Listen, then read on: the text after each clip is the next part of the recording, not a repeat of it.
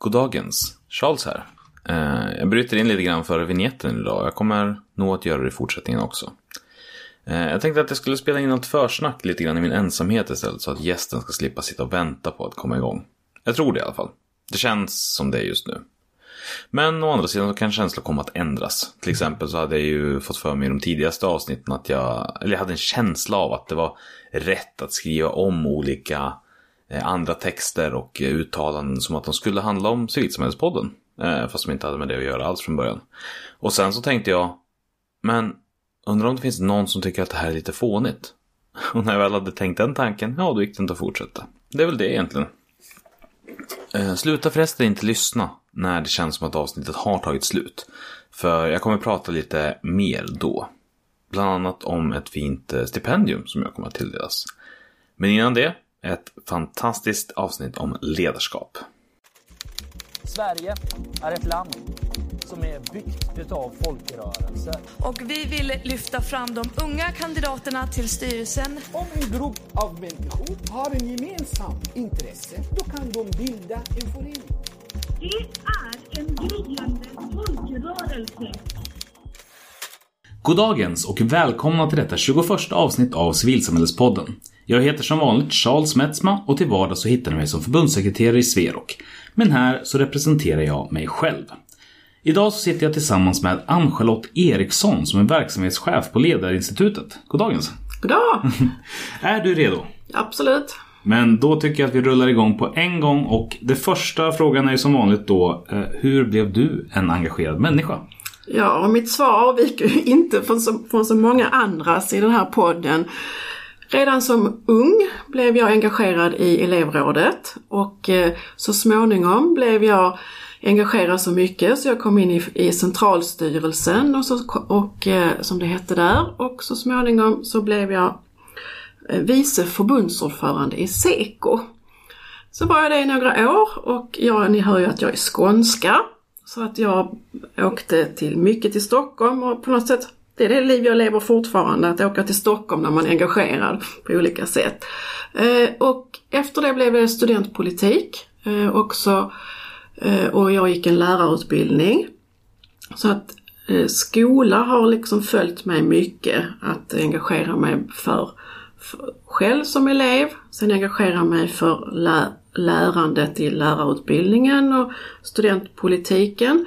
Och när jag själv blev lärare så blev jag engagerad i lärarfrågor eh, som på min enskilda skola och började jobba, i, började jobba på en skola i Sölvesborg där vi jobbade i ett, slutade använda ämne i skolan och jobbade bara tematiskt och vi jobbade tillsammans alla lärare i tema och skippade ämnena. Så ni, ni hör ju att jag alltid varit engagerad tillsammans med många, för det är liksom en drivkraft hos mig. Så småningom blev jag då engagerad också i det eh, som kom att bli Lärarförbundet. Och under många år jag, har jag varit engagerad där och jag har varit vice förbundsordförande i Lärarförbundet fram tills för två år sedan. Och där så berättade du lite grann precis innan vi slog igång micken Eh, jag tänker att det knyter tillbaka ganska väl till någonting som jag och eh, Anna Bergqvist pratade om i, för två avsnitt sedan. Just det här med att man att maktfördelning. Men du kanske vill berätta själv? Mm. Eh, Lärarförbundet är ju en stor organisation med, med, nästan 30 000 engagerade ombud. För det finns ju ett arbetsplatsombud på varje skola. Och i en sån här stor organisation är det ju viktigt att många medlemmar blir engagerade. Och då måste man också fundera över hur skapar man möjlighet att, att under en tid äga ett uppdrag och sen kanske någon annan ska ha det uppdraget så att man representerar medlemmarna på bästa sätt. Och eftersom jag då blev vald till vice förbundsordförande och vi såg att, att, att vi behövde göra någonting för att fler unga skulle komma in och bli engagerade i Lärarförbundet. Så la vi en del förslag till kongressen som det heter, Lärarförbundet, om att nu borde man kanske eh, sätta en tidsgräns för hur länge man skulle kunna sitta i en del uppdrag i förbundet eh, och, hittade, och ville hitta andra former för att för helt enkelt göra förbundet mer modernt och mer tillgängligt för många och att man har ett uppdrag till låns. Eh, tyvärr fick inte vi igenom de förslagen, trots att de var så bra. Eh, och då får man börja tänka i nya banor. Kan, för någonstans som ledare i en sån stor organisation så är man ju också en förebild för alla andra. Så då fick vi också diskutera, när ska man skifta ledning i ett stort förbund? När ska man släppa fram nya unga? Så vid, vid kongressen senast så bestämde vi oss, både förbundsordförande och jag som vice förbundsordförande, att, och faktiskt också kanslichefen för att nu var det dags att lämna över till ett nytt gäng som har fått möjligheten att leda Lärarförbundet. Och då fick jag för en jättekul nytt uppdrag. För då fick jag frågan om inte jag ville, eftersom jag då också alltid under tiden i Lärarförbundet har haft kvar en fot i skolan. Jag har då varit lärare i ledarskap och organisation. Och då fick jag frågan om inte jag ville gå in i Ledarinstitutet som är en organisation som är inriktad på det idéburna ledarskapet i, i hela ideella sektorn.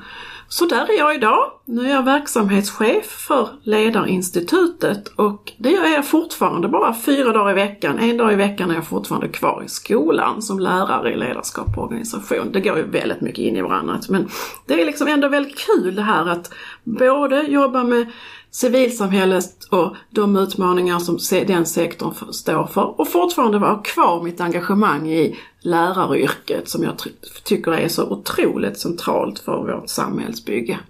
Och Ledarinstitutet är en ideell förening som gör vad? Vi jobbar med utbildning, organisationsutveckling och vi har ledarskaps och mentorsprogram.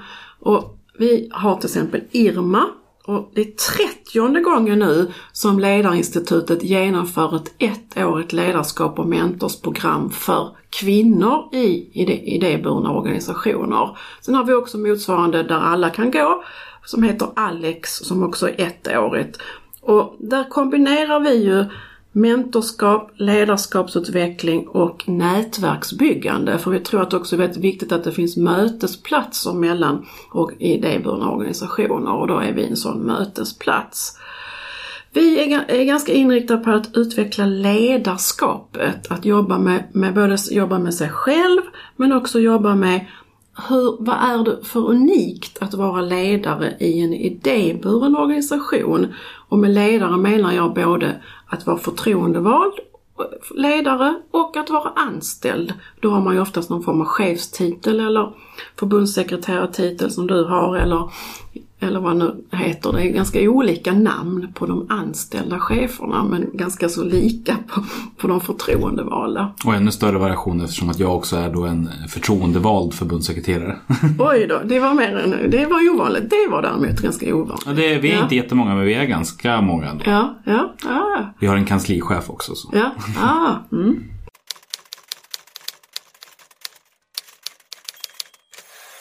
Men, men det för ju oss ganska liksom så här naturligt över på det som faktiskt är dagens tema då. Eh, som vi döpte till olika dimensioner av idéburet ledarskap. Mm. Eh, och innan vi liksom börjar gå ner och grotta i det. Skulle vi kunna få någon form av liksom definition eller en ram mm. eh, som, som man liksom kan luta sig mot resten av samtalet? Mm. Jag brukar säga så här att för ska man förstå idéburet ledarskap så finns det en kärna i det som alltid finns där, som man aldrig kommer ifrån. Och jag brukar säga att när man tittar in, om man skulle titta in i ledarskap som om det vore ett nyckelhål som man tittar in i, hur, hur du leder och hur andra leder, så finns ju grunden i detta idéburna ledarskapet, det är ju alltid det mandat vi har fått från medlemmarna. Medlemmarna är ju uppdragsgivare när det gäller ledarskapet i civilsamhället. Och vi får ett uppdrag och vårt uppdrag det är ju att på något sätt förverkliga någon idé. Eh, och varje organisation har ju något slags unikt bidrag om vad man vill för åstadkomma i sin organisation. Och eh, i det ligger ju ett oftast ett behov av någon form av förändring eller en idé om att vi tillsammans kan göra saker och ting bättre som grund för ledarskapet. Och jag brukar säga att i ledarskap måste man alltid stå på en plattform av idén. Eh, den måste liksom vara grundbulten i ledarskapet. Så det är alltid den som bär oss som ledare i att vi blir vi lever idén och ska vara med och förverkliga den idén. Idén som i ja, men typ syftesparagrafen eller Ja, sen, sen tror jag att man kanske inte kan säga jag- tror inte så jättemånga ledare kan liksom rakt av säga sin ändamålsparagraf. Utan jag tror att man måste forma den utifrån sig själv. Men det ska vara en idé som man känner så starkt för.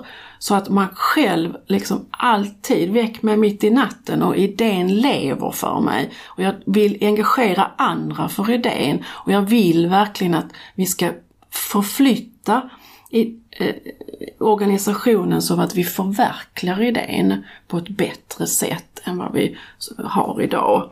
Så det, idén är alltid grundbulten. Och sen kan man säga att tittar man sen då vidare på det idéburna ledarskapet så måste man ju då skapa förtroende för den idén. Eh, det räcker ju inte att jag tycker att idén är bra. Utan ska vi kunna påverka och förändra så måste vi ju oftast vara många. Och idag har vi ju väldigt många stora organisationer. Och då gäller det att skapa förtroendet för idén. Det ligger alltid som, ett, som en liksom del av grunden i mitt uppdrag. Jag måste skapa förtroende både inåt och utåt för min idé. Och jag måste också få andra att engagera sig för idén. Alltså hitta engagemangsformer på olika sätt. Det ligger också liksom i grunden. Och att vi jobbar med att förflytta oss mot idén. Och liksom, så idén finns ju alltid där som en, en liksom målbild. Vi ska liksom leva idén. Och vi ska förverkliga den. Men finns inte den idén oavsett liksom, vilken organisationsform eller hur människor än kommer samman för att göra någonting? Abs- jo, idén finns ju där men ledarskapet måste bäras i, utifrån idén. Det är, så att även om du har ett... Så fort du blir en ledare så måste du känna ett engagemang för idén och få andra att vilja engagera sig för idén. Så liksom du bärs som ledare av den här idén om att förändra någonting. Om jag tar Lärarförbundet som exempel så eh, har ju de en ändamålsparagraf. Och, och när jag var engagerad så, så blev den väldigt enkel för mig. Vi ska åstadkomma den bästa skolan för varje elev. Men då måste lärarna ha bra villkor, bra lön, bra arbetsmiljö och möjlighet till utveckling i yrket.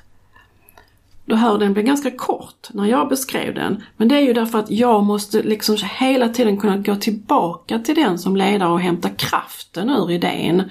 Och också kunna förmedla den till andra och få andra att känna kraft och, och glädje och engagemang utifrån idén. Så att jag liksom använder den som, eh, som min motor kan man säga i mitt ledarskap.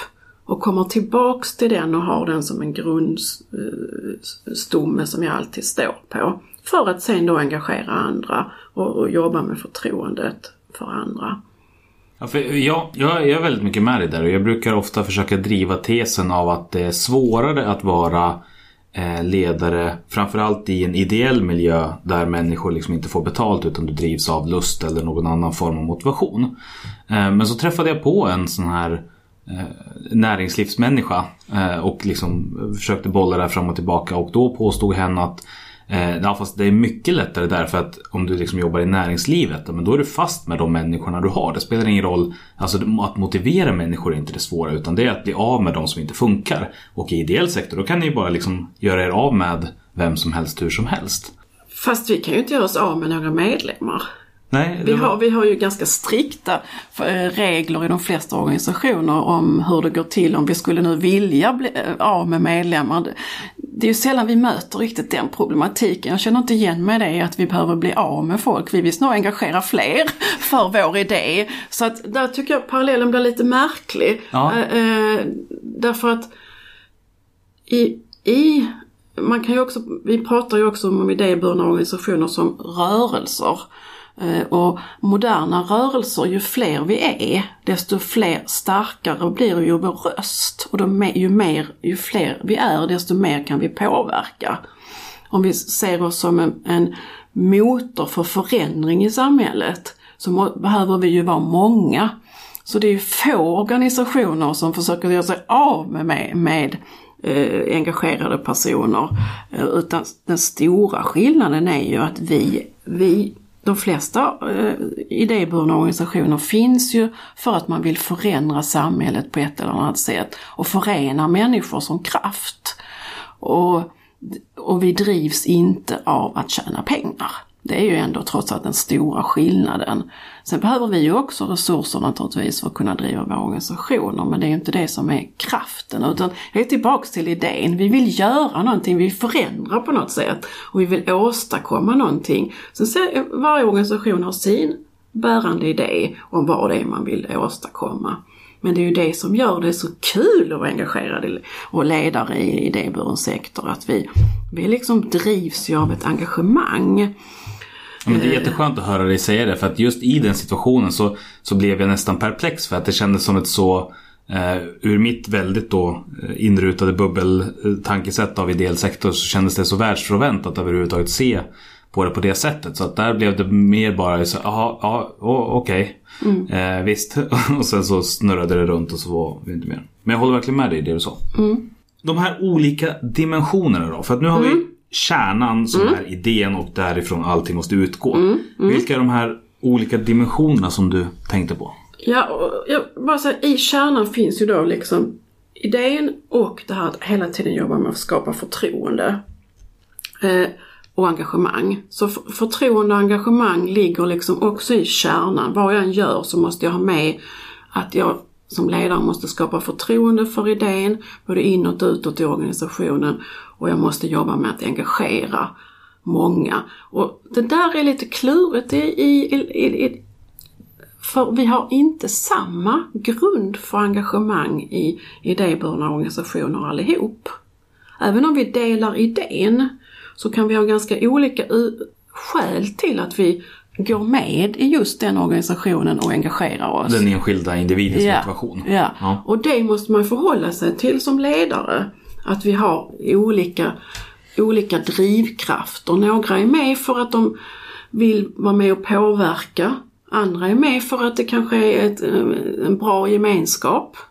Och inget är rätt eller fel alla grunder till engagemang är ju rätt, men jag måste vara medveten om det. Så jag måste vara medveten om att jag måste utifrån idén skapa förtroende för, för den både inåt och utåt. Men jag måste också fånga engagemang på många olika sätt. Därför att drivkrafterna hos de som engagerar sig ser olika ut. Och sen finns det en tredje grund till och det är att det som gör oss fullständigt unika i idéburen sektor, det är ju mandatet från medlemmarna men om jag då går in i min ledarroll, hur kan jag då, kan jag då styra medlemmarna när jag har fått mandatet från medlemmarna? Eh, det där är ju lite klurigt. Man brukar ju säga att som ledare ska jag gå, måste jag gå, få beslutet att växa fram underifrån från medlemmarna. Men jag måste ändå på något sätt gå före som ledare och visa någon form av riktning hur vi lättare ska nå vår idé. Och det där, det där är ju den demokratiska processen som du har gjort flera program kring i olika delar av den demokratiska processen. Men där skiljer vi oss extremt från näringslivet. Där du får liksom eh, ett uppdrag från ledningen i, i företaget. Här får vi uppdraget underifrån och det gör att vi kan ju aldrig vi kan inte bara sätta ner eh, ett beslut som ledare och säga gör så här. För vi måste ju hela tiden själv få mandatet underifrån samtidigt som vi måste vara med och förnya och förändra vår organisation för annars kommer vi inte leva i nutid. Precis, för varje enskild liten medlem har sin egen rätt och sitt mandat att ifrågasätta och ja. skicka en ny beställning och försöka liksom vinna gehör för den. Ja, det är ju så demokrati fungerar. Och det måste man också, så jag brukar säga idén som grund och sen förtroende och engagemang och sen förståelse för den demokratiska processen. Det är liksom, det måste man ha klart för sig när man, när man tittar in i, i vad idéburet ledarskap är. Sen när man kommer till dimensionerna så brukar jag säga att de är tre. Eh, det är dels den formella position som du får i ditt ledarskap. Det kan ju vara som jag som var förtroendevald. Eh, vice förbundsordförande det är ju liksom ett, en position som jag får. Får jag av kongressen. Men det kan likväl vara att du är ekonomichef i stora, organ, stora organisationer i idéburen sektor så har vi ju väldigt många eh, anställda också i chefs och ledarroller. Och vi har som vi sa innan kanslichef och GS och, och allt vad det heter då. Eh, så positionen är en av dimensionerna.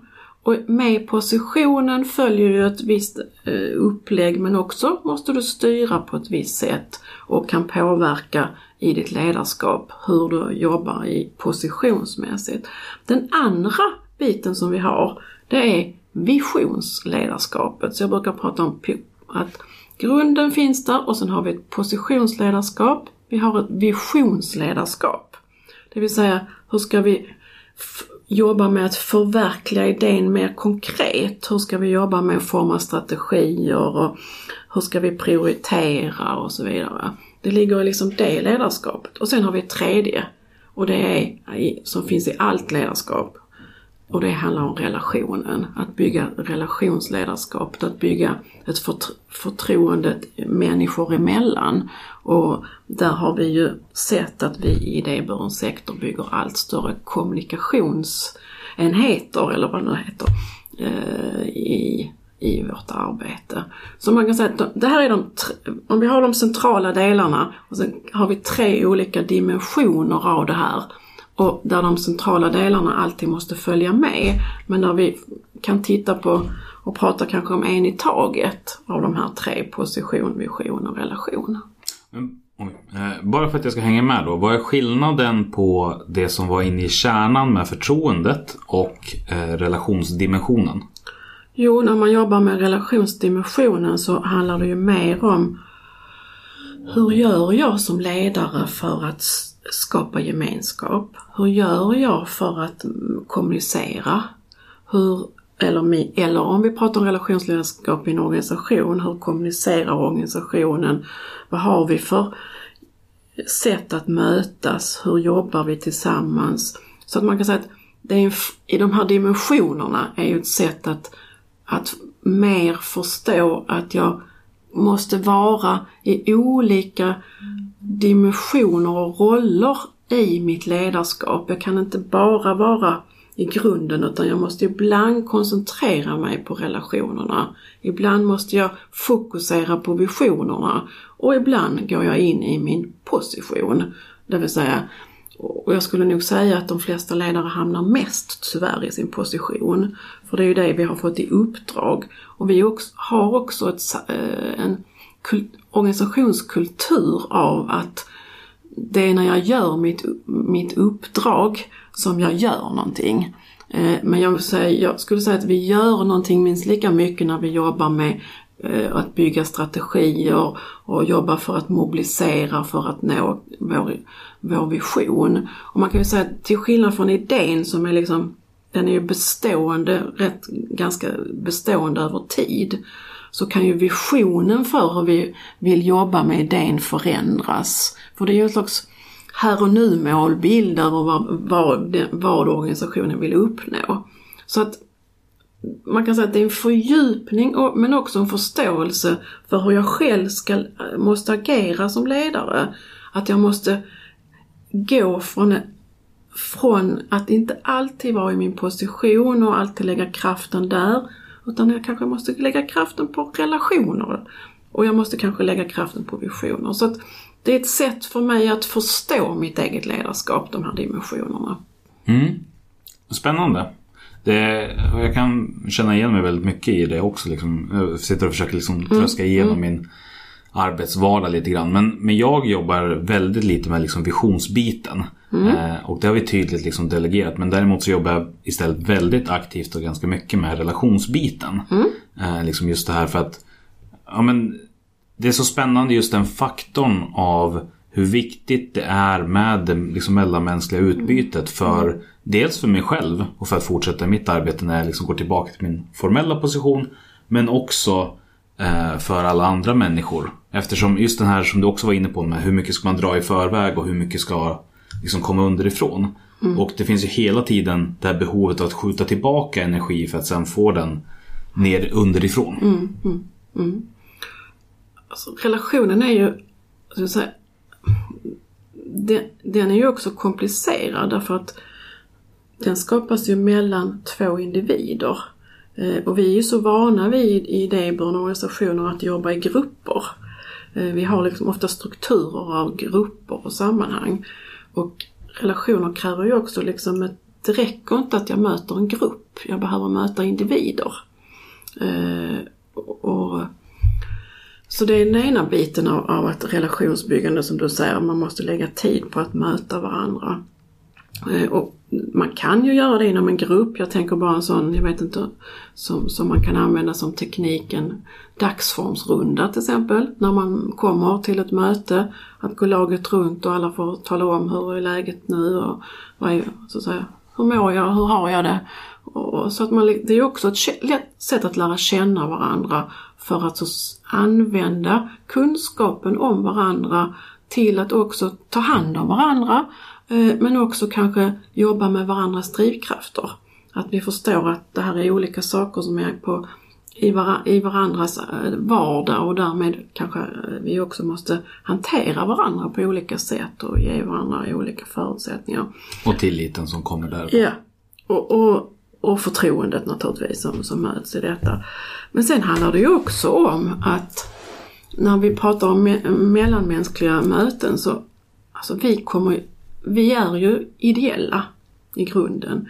Även om en del, eh, vi naturligtvis har en eh, professionellt anställd personal i många organisationer, så är vi ju i grunden ideella. Logiken är ju ideell fortfarande. Ja, och i det ligger ju att om inte vi kan skapa glädje och lust och mod att vara engagerad så kommer ju ingen vilja vara det. Och, och vad händer då? Om vi inte, och vi har ju sett det till, delvis, jag som kommer från fackföreningsrörelsen har ju haft stora problem med medlemsbortfall. Nu håller ju de flesta organisationer på, på att vända det och man ökar medlemsantalet igen. Men det har ju funnits en tid när man kanske inte såg individen och kanske inte såg medlemmen och kanske inte heller såg de engagerade som individer utan så, ser det mer kollektivt. Och det finns ju en bas av kollektiv eh, i kollektivet tillsammans åstadkommer vi ju någonting i våra organisationer. Men och sen när vi jobbar med relationer så i och med att eh, samhällsutvecklingen har gått mot att vi måste hitta så många olika sätt att kommunicera på med, med medlemmar men också de som vi vill påverka på olika sätt. Så har vi ju sett att kommunikationsavdelningarna som tidigare kanske hette informationsavdelningarna, bara det, namnbytet, gör ju att kommunikation blir ju en del av relationsledarskapet att bygga kommunikativa modeller. Och risken är ju där att man då fokuserar på utåt. Det vill säga att vara en röst i, som, man, opin, som opinionsbildare. Och kanske inte hur man ska kommunicera inåt. Hur kommunicerar vi med medlemmarna? Hur kommunicerar vi med de som sitter i styrelser lokalt? Hur kommunicerar, och om man inte tar tillvara den kommunikationsbiten som ledare så kommer man ju inte kunna bygga förtroendet och tilliten. Så att så relationsledarskapet består ju både av det mellanmänskliga men också hur vi bygger en relationer generellt inom vår organisation och också utåt naturligtvis. Men du som ändå har jobbat med det här och tänker, är det så att är den liksom relationen och att känna att jag gör det här för en vän starkare än känslan av jag gör det här för ett kall eller för en organisation eller för en idé? Eller går det att särskilja dem åt på det sättet? Jag tror att eh, det beror på vilken drivkraft du har. Att det finns inte ett svar på den frågan utan för några är det väldigt viktigt att vi gör det här tillsammans, vi vänner och kompisar och vi drivs av att mötas och träffas. Medan för andra är det oerhört viktigt att det är, är för att vi ska nå vår vision. Eh, inte kanske, idén tror jag att alla bär, som jag sa innan, är grunden för allt, allt i en organisation. Det är en slags minsta gemensamma Ja, nämnare. ja. Men jag tror att, att de som har som drivkraft eh, makt. Makt är ju ett känsligt begrepp i vår sektor men det faktum är att, att eh, vi, vi fattar ju väldigt mycket beslut och vi bestämmer väldigt mycket. Och vi vill påverka andra makthavare att fatta beslut i vår riktning. Så att vi behöver ju förstå makt. Och om makt är drivkraften, då kanske inte relationsbyggandet är så viktigt utan då är visionsledarskapet viktigare för de, för de in, personerna som engagerar på det sättet. Så det är också lite på, men, men ska vi jobba tillsammans? Jag menar jag som har suttit i en förbundsstyrelse, Lärarförbundet hade en stor förbundsstyrelse, 17 personer. Oj. Eh, Det är klart att vi måste, vi måste bygga tillit, vi måste ha former där vi jobbar med relationsledarskapet, att vi hittar sätt att vara ett, na- en, ett nationellt lag. Eftersom vi också var förbundsstyrelse. Och vi kan ju inte vara 17 individer som agerar på olika sätt utan vi måste ju jobba som ett lag tillsammans. Och där ligger ju också relationsledarskapet. Att bygga ett gemensamt lag för en organisation. Mm. Någonting mer kring relationsdimensionen som du vill lyfta fram? Alltså man måste komma ihåg också när det gäller relationer och kommunikation, vad är det vi vill uppnå med det? Och då har jag sagt ett viktigt ord, tillit. Det andra viktiga är ju att vi vill uppnå gemensam förståelse. Eh, där är ju samtalet och dialogen och mötesformerna avgörande för hur vi lyckas med det. Men ska vi kunna jobba vidare och utveckla vår idé och gå i mål och kanske till och med förverkliga vår idé fullt ut så måste vi förstå, ha förståelse för vad som händer och hur det går till. Och, och tyvärr finns det inget annat sätt att skapa förståelse än att kommunicera, skapa en relationer så att vi faktiskt får kvitto på att vi förstår varandra. Jo, men där är ju också relationen väldigt viktig eftersom att ju, ju större tillit det finns och ju större liksom, förtroende det finns. Ja. Desto, lättare, desto mer kommer man tolka varandra välvilligt och desto snabbare kommer man komma till en slutsats. Absolut, så det hänger ju ihop naturligtvis. Men eh, jag tror det är viktigt att lyfta den i relationsledarskapet. Att man har liksom syftet att både skapa tillit och förståelse Mm. i, i, med relationsledarskapet. Och om vi då går till nummer två som var visionsledarskapet. Eh, så kan man ju säga att visionen är ju en levande bild av vad man vill åstadkomma som organisation. Som är, eh, jag brukar säga att en, en bra vision ska kännas både i magen och hjärtat och huvudet. Så man liksom eh, ha, och har någon rikt, det ska ju vara en riktning, vart vill organisationen just nu? Eh, ett sätt att utveckla idén kan man också säga att det är.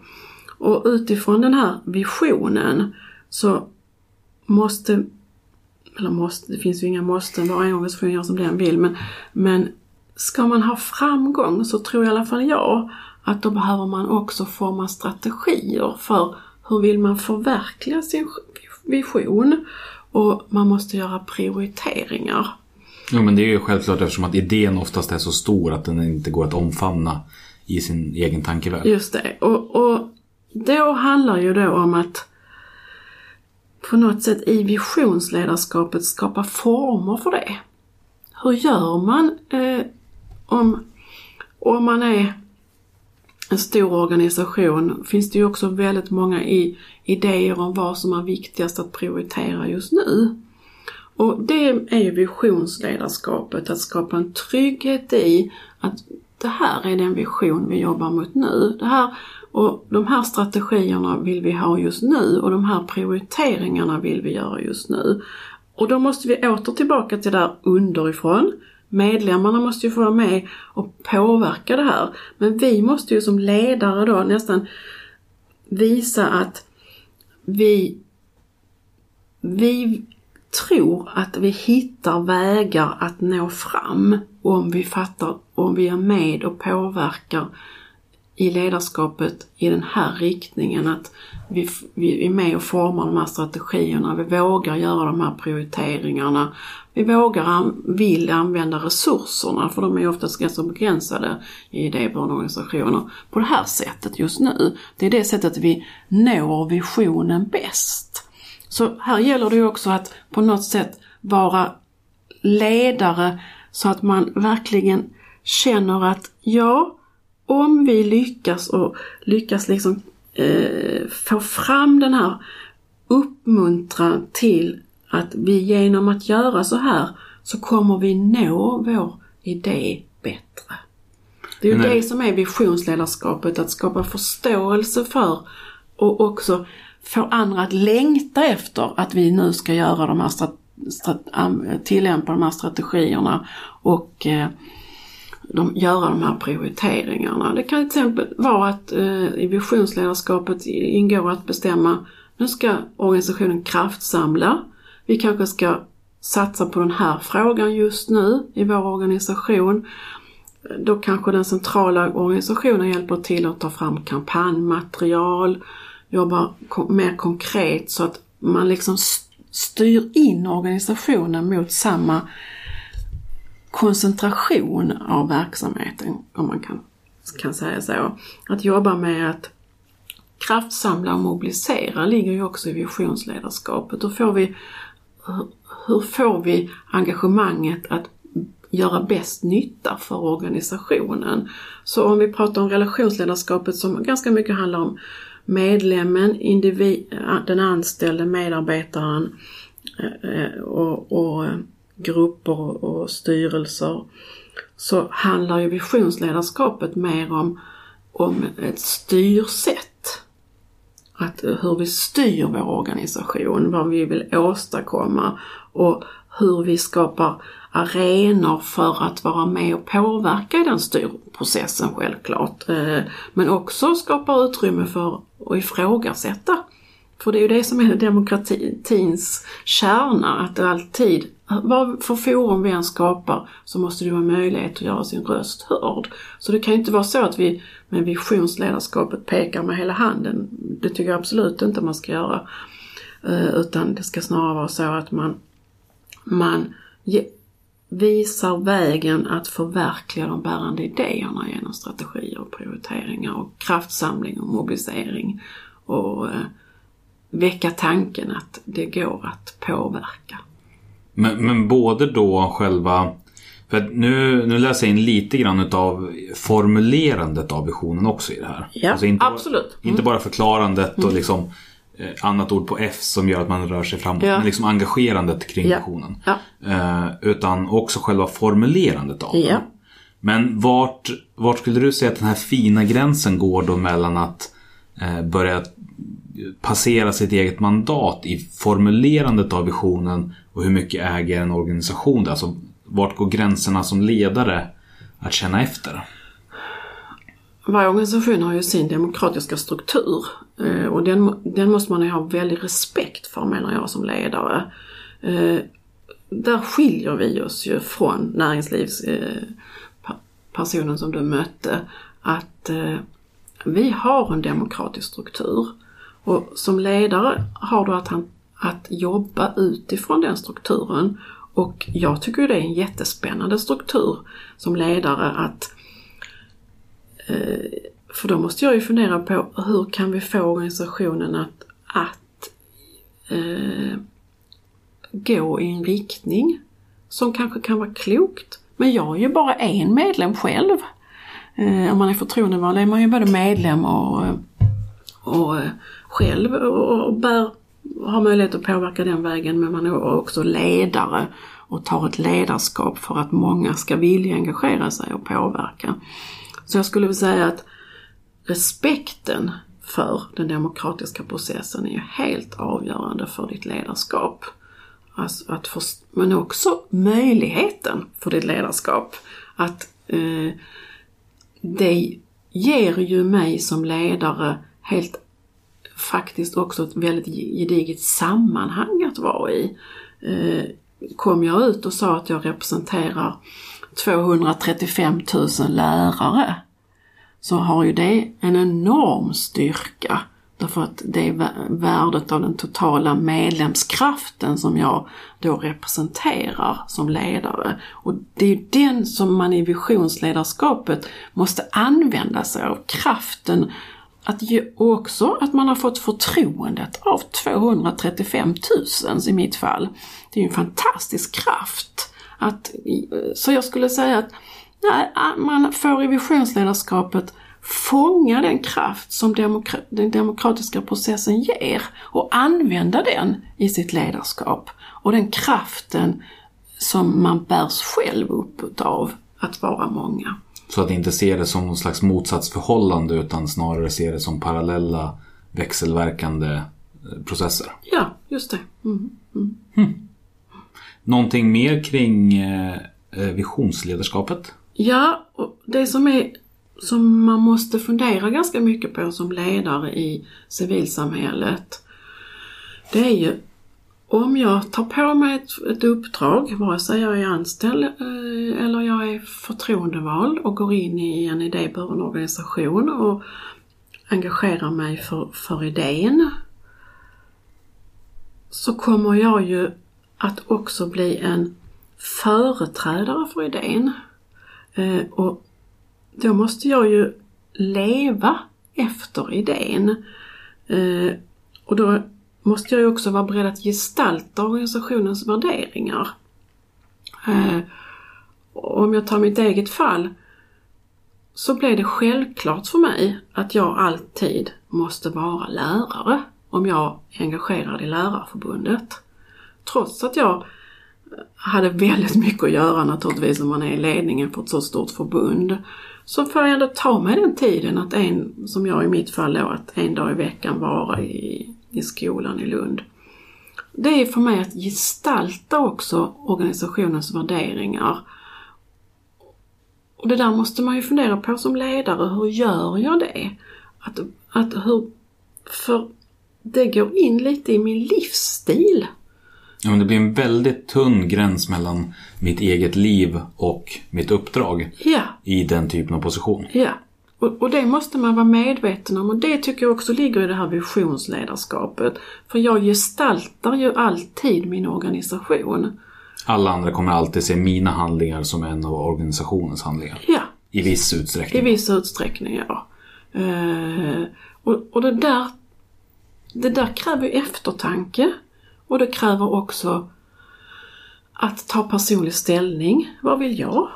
Hur vill jag göra för att gestalta den här organisationens värderingar? Eh, vissa organisationer har kanske lättare i det. Är jag medlem och engagerad i OGT-rörelsen så, så är det klart att, att nykterhetslöftet är eh, väldigt, väldigt tydligt. Men vad finns det för andra eh, saker som jag behöver gestalta i den rörelsen? Är man med i en facklig organisation så är det kollektivavtalet någonting som är centralt i alla fackliga organisationer och därmed kan man inte köpa produkter och annat från, från de som inte har kollektivavtal. Så det finns vissa handlingar som, som är ganska så givna. Eh, men, det finns, men de andra är ju mer subtila. Vad förväntas av mig som person i min, mitt visionsledarskap? Och, och det kräver eftertanke. Vad, vad, vad, hur ska jag gestalta organisationens värderingar? Och även ett väldigt spännande arbete som, som aldrig blir klart. Just det här med men, vem är jag i förhållande till, alltså, till organisationen. Men framförallt hur. Det där, är det jag som förändras? Är det organisationen som förändras? Eller förändras vi tillsammans allt eftersom att uppdraget fortlöper? Mm. Jo, och det är viktigt att ha, ha med sig att även jag förändras ju som person och individ. Så att, ja, och då, många organisationer har ju förverkligat sitt visionsledarskap genom att ha miljöpolicy, genom att ha upphandlingspolicy och så vidare.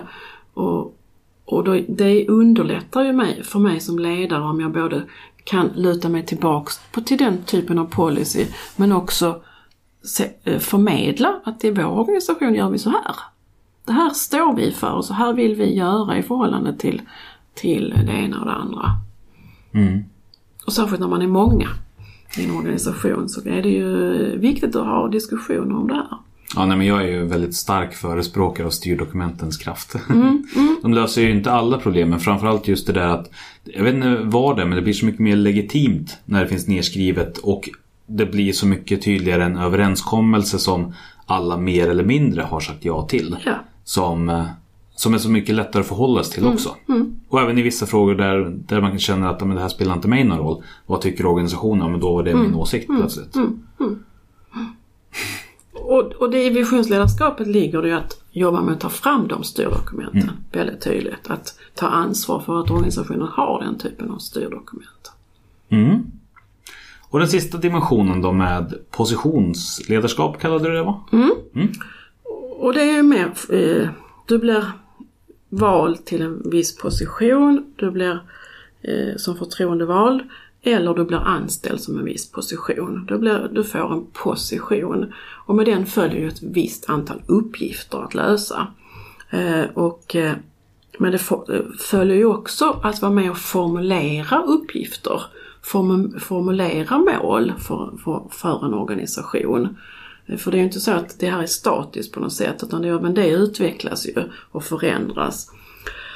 Eh, det handlar ju om hur styr man med mål och vilka resultat vill man uppnå och har man, eh, har man något sätt att utvärdera det i organisationen. Det följer ju med i olika positioner, hur kan jag jobba med det? Vilken, vilken organisationsstruktur ska man ha? Eh, det spelar ju trots allt roll hur man bygger sin organisation. Vilken ansvarsfördelning ska man ha? Och hur följer man upp i en organisation? Det ligger ju i, det här, som du hör är det ju mer formell struktur som ligger i positionerna. Där vi har liksom någon slags ordning i organisationen att det här ansvarar den för, det här ansvarar den för. Eh, och, men också ligger det ju ett företrädarskap. Jag företräder ju i positionen min organisation eh, på ett sätt som gör att organisationens... Eh, så man representerar ju organisationen i väldigt många olika sammanhang som ledare. Och, och det ligger också i position, för det beror på vilken position du har, i vilken roll du går ut och representerar. Är du förbundsordförande, ja då har du sannolikt mycket uppdrag där du representerar organisationen. Är man förbundssekreterare lika så. Men eh, om man är kassör, ja men då har man ett helt annat uppdrag. Så både... Jag tänker att det handlar lite grann där och då att veta sin plats.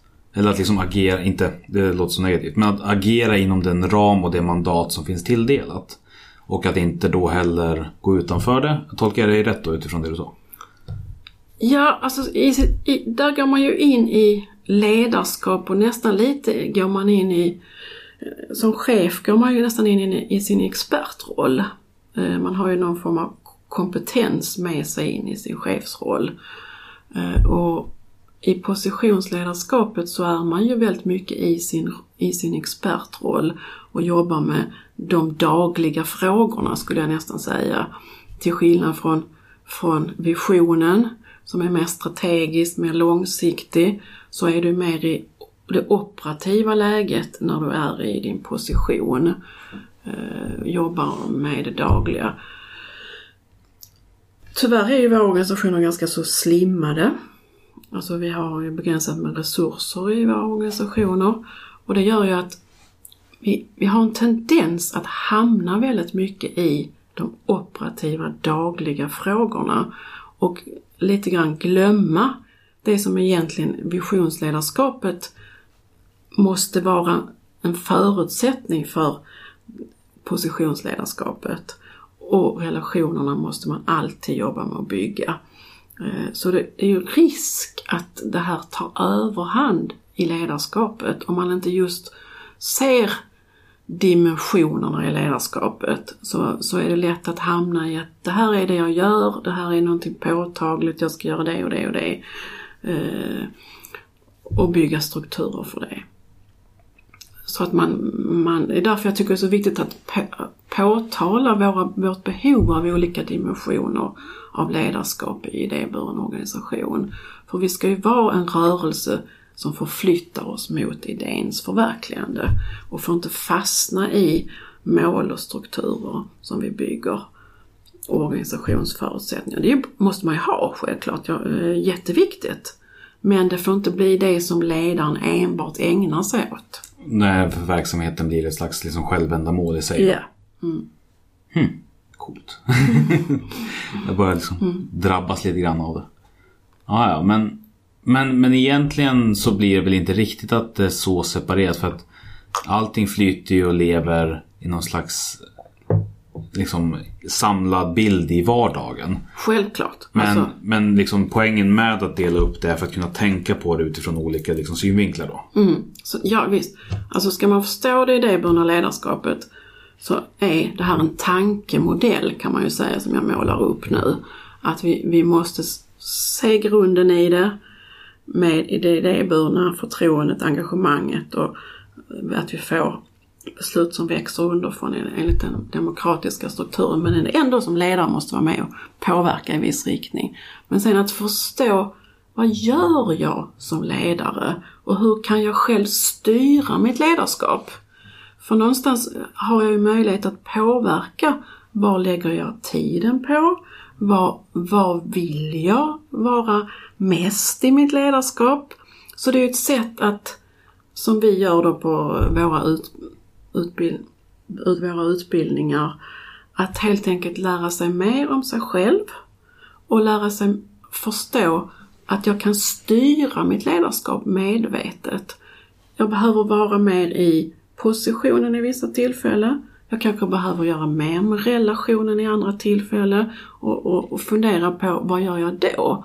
Och sen till slut så, eh, och hela tiden utifrån idén naturligtvis. Så det är ett, liksom ett, ett sätt att, som vi brukar säga, att leda sig själv.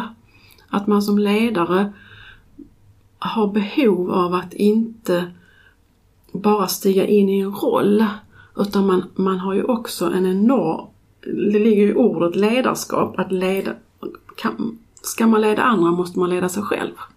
Och kan man då förstå de olika dimensionerna av ledarskap så kan man också leda sig själv lättare. Så det här är ett en tankesätt som vi har i Ledarinstitutet för att underlätta förståelsen av vad är, vad är ledarskap? Men jag tänker också utifrån begreppet makt som vi liksom var inne på lite grann. Att om man har makt över en organisation så är det också ganska ansvarsfullt att ta makten över sig själv och inte vara en liksom, vindflöjel. Det, det är ju jätteviktigt. Det är ju A och O att man tar makten över sig själv. Och också faktiskt bestämmer hur vill jag uppfattas som ledare av andra? Vill jag uppfattas som en väldigt tydlig makthavare? Det tror jag inte de flesta vill och strävar efter. Utan vill jag vara en demokratisk ledare som som har pejling på den demokratiska processen och som jobbar aktivt med den på olika sätt. I eh, både förändringsprocesser, det är ju framförallt i förändringsprocesser som det blir väldigt tydligt vilken roll jag som ledare tar och hur jag agerar som ledare. Och, och då är det ju viktigt att fundera över eh, hur kan jag jobba i förändringssammanhang med relationerna? Hur kan jag jobba, använda visionen för att nå fram? Och vad, vad behöver vi göra i organisationsstruktur och positionen? Så att man liksom får med sig alla delarna. Så det, det är ett tankesätt som vi har i Ledarinstitutet för att få komma vidare. Och då är ju det jätteviktigt att man förstår att det är klart att det är maktdimensioner. Är det någonting kopplat till det här som jag inte frågar om som är väldigt viktigt att få med sig också? Det, det som vi inte har nämnt det är ju att vi behöver också, vare sig vi, vilken dimension vi än är i, så behöver vi ju fundera på hur vi blir håll, vårt ledarskap blir hållbart. För om vi tittar på oss själva som ledare, i idéburen sektor så har vi ju ett enormt engagemang. Och det engagemanget slutar ju inte vid en viss tid på dygnet. Eh, och visst, det finns en... Det finns ingen bland oss förtroendevalda så finns det ju ingen annan som sätter gränser än ledarna i en organisation. Eh, vi, omfattas inte av någon lagstiftning på det sättet som förtroendevalda. Däremot som anställda gör vi det, då omfattas ju arbetsmiljölagen, gäller ju också i idéburna organisationer.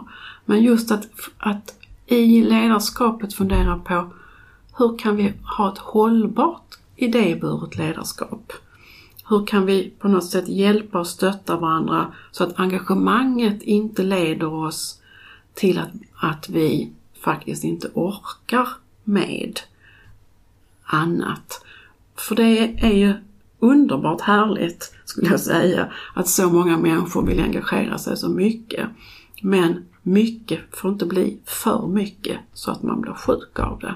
Så där tycker jag att man som ledare har ett särskilt ansvar i, i sin organisation att tala om det. Att det finns en risk i idéburen sektor att vårt engagemang, som inte är knuten till tids, tid ju på det sättet också, innebär att man kan bränna ut sig. Mm. Och också hela tiden fundera, för att det som är knepigt med engagemang på det sättet det är att generellt sett så brukar jag dela upp min vardag i aktiviteter som ger energi och aktiviteter som tar energi. Mm. Men mycket kopplat till engagemanget gör ju båda delar samtidigt. Ja. På ett sätt som gör att det liksom märks först långt senare att oj, det liksom blev ändå ett minus Ja. på, när man räknar samman allting i slutändan. Och det är också därför det är ännu viktigare att faktiskt, även om gränsen mellan uppdrag och liv är tunn, att man bibehåller den, den tunna grejen som ändå separerar de två åt. Det tror jag är jätteviktigt och jag tror också att det är väldigt viktigt att vi talar om hur kan vi underlätta eh, menar, med, med den teknik vi har möjlighet till idag så, så kan vi ju ha möten. På, vi behöver inte träffas fysiskt. Jag tror ibland att vi måste träffas fysiskt men vi kan också träffas på, på andra sätt och i andra former som också är ganska tidsbesparande. Så att, att man som ledare tänker på att använda de nya möjligheter som ändå finns för mötesplatser och mötesformer. Bara en sån sak ingår ju, tycker jag, i ett hållbart ledarskap. Att hitta former och sätt att mötas som gör att vi också får ta mindre tid och kraft och också miljömässigt in- mindre resor och så vidare. Så att just det där tror jag man måste lägga, alltid ha med sig i ledarskapet, att fundera över att vi, vi har bara varandra och vi måste ta hand om varandra. Så att, är- så att alla, alla kan vara med på resan fullt ut. Är det en fjärde dimension som är på väg in i modellen eller seglar den utanför för att den ändå är så pass väsensskild? Den är så otroligt central så jag skulle säga att liksom eh,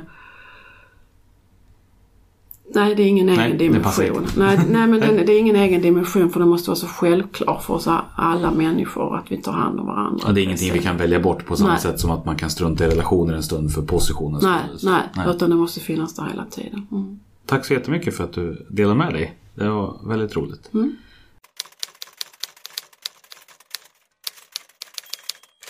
Eh, Och då så är det dags för de avslutande frågorna. Eh, Och precis som alla andra ska du då få svara på eh, och berätta om någonting som du har lyckats väl med. Någonting som kanske inte gick riktigt lika bra. Eh, Och med det senare så gäller det då förstås att hitta vad du lärde dig. Det är det som är det intressanta. Jag börjar med det som var, jag har lärt mig under tiden och då är jag tillbaks till min position som vice förbundsordförande i Lärarförbundet.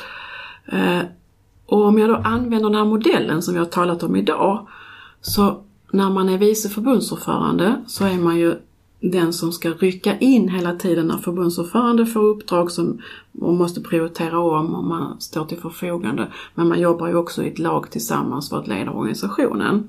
Det var en arvodering på 80% eller hur? Ja. Och eh, om jag då, och, det, och jag föll nog i det som jag gissar att många andra ledare också gör, eh, att man blir för mycket i positionen. Man, man är företrädare för organisationen, man åker land och rike runt och pratar med medlemmar, man äm, träffar företrädare som man vill påverka, politiker och föräldrar och så vidare. Och man, man är oerhört koncentrerad på möte och på, utifrån sin position. Men det jag önskar så här efteråt, jag kunde nog inte säga det när jag var där och då, men så här efteråt så skulle jag ha druckit mycket mer kaffe, tagit mig tid att bara sitta och prata med folk. Alltså det här snickesnacket, det hann man inte riktigt med. Och det tror jag är min stora lärdom, att relationsledarskapet, även om man har en position, så får man inte missa det. Eh, Jag skulle helt enkelt, min lärdom är att ha lagt mer tid på relationsledarskap i förhållande till positionsledarskap. Vad hade det gjort för skillnad då när du tittar på ditt uppdrag i retrospekt? Jag tror att det hade varit mycket lättare att få med sig människor i organisationen och jag tror också att det hade varit lättare att skapa glädje för ett engagemang för lärarna. Nu bärs jag ju och tror att, och, glä, och ser en enorm glädje i att åstadkomma någonting för Sveriges lärare men just det här att andra också ska känna det. Att kunna skapa de relationerna och tilliten till att vi faktiskt var på väg att lyckas med det. Eh, det tror jag jag hade kunnat förstärka genom att satsa mer på relationsledarskapet. Hmm. Och när har det gått riktigt bra?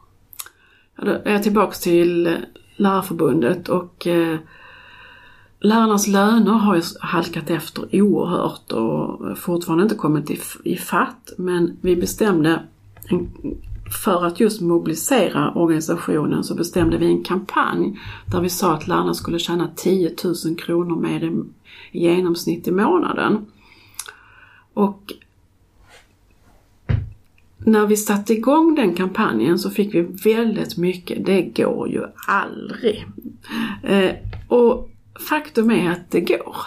Vi har, Lärarförbundet har genom engagemang från väldigt, väldigt många lyckats förflytta lärarnas löner. De är fortfarande inte så att vi lyckas rekrytera tillräckligt många lärare och göra yrket tillräckligt attraktivt.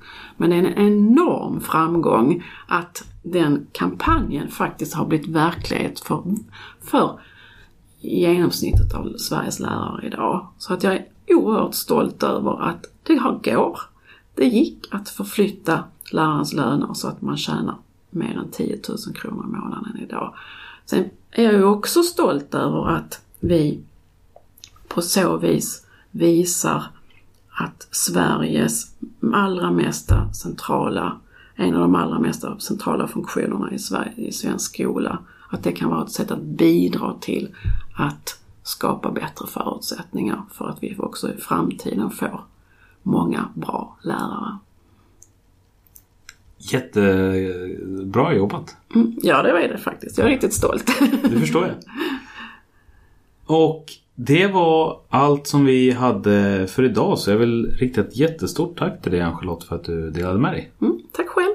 Och till dig som lyssnar, tack till dig också. Eh, Och hör av dig så hörs vi igen om två veckor. Sverige är ett land som är byggt utav folkrörelser. Och vi vill lyfta fram de unga kandidaterna till styrelsen Om en grupp av människor har en gemensam intresse, då kan de bilda en förening. En gryende folkrörelse. Det var det. Hoppas att du uppskattade avsnittet lika mycket som jag gjorde. Och nu så här på slutet så finns det ett par saker då som jag skulle vilja ta upp. Eh, och antagligen kommer jag nog göra det i fortsättningen också. Det beror som sagt på om jag får för mig att det är fånigt eller inte. Men det första som jag vill säga är att jag kommer att bli tilldelad ungdomsledarstipendiet 2017. Som utdelas av stiftelsen Konung Gustav Vs 90-årsfond. Och det, här, alltså det är en enorm ära att ha blivit utvald av vad jag liksom förmodar måste ha varit en veritabel folkstorm av nomineringar. Ehm, men på www.gv90.se så går det att läsa att eh, stipendiet utdelas traditionsenligt till en person som är ett föredöme för ungdomen, är en eldsjäl för ideellt engagemang och har erfarenhet av flera nivåer inom sin organisation.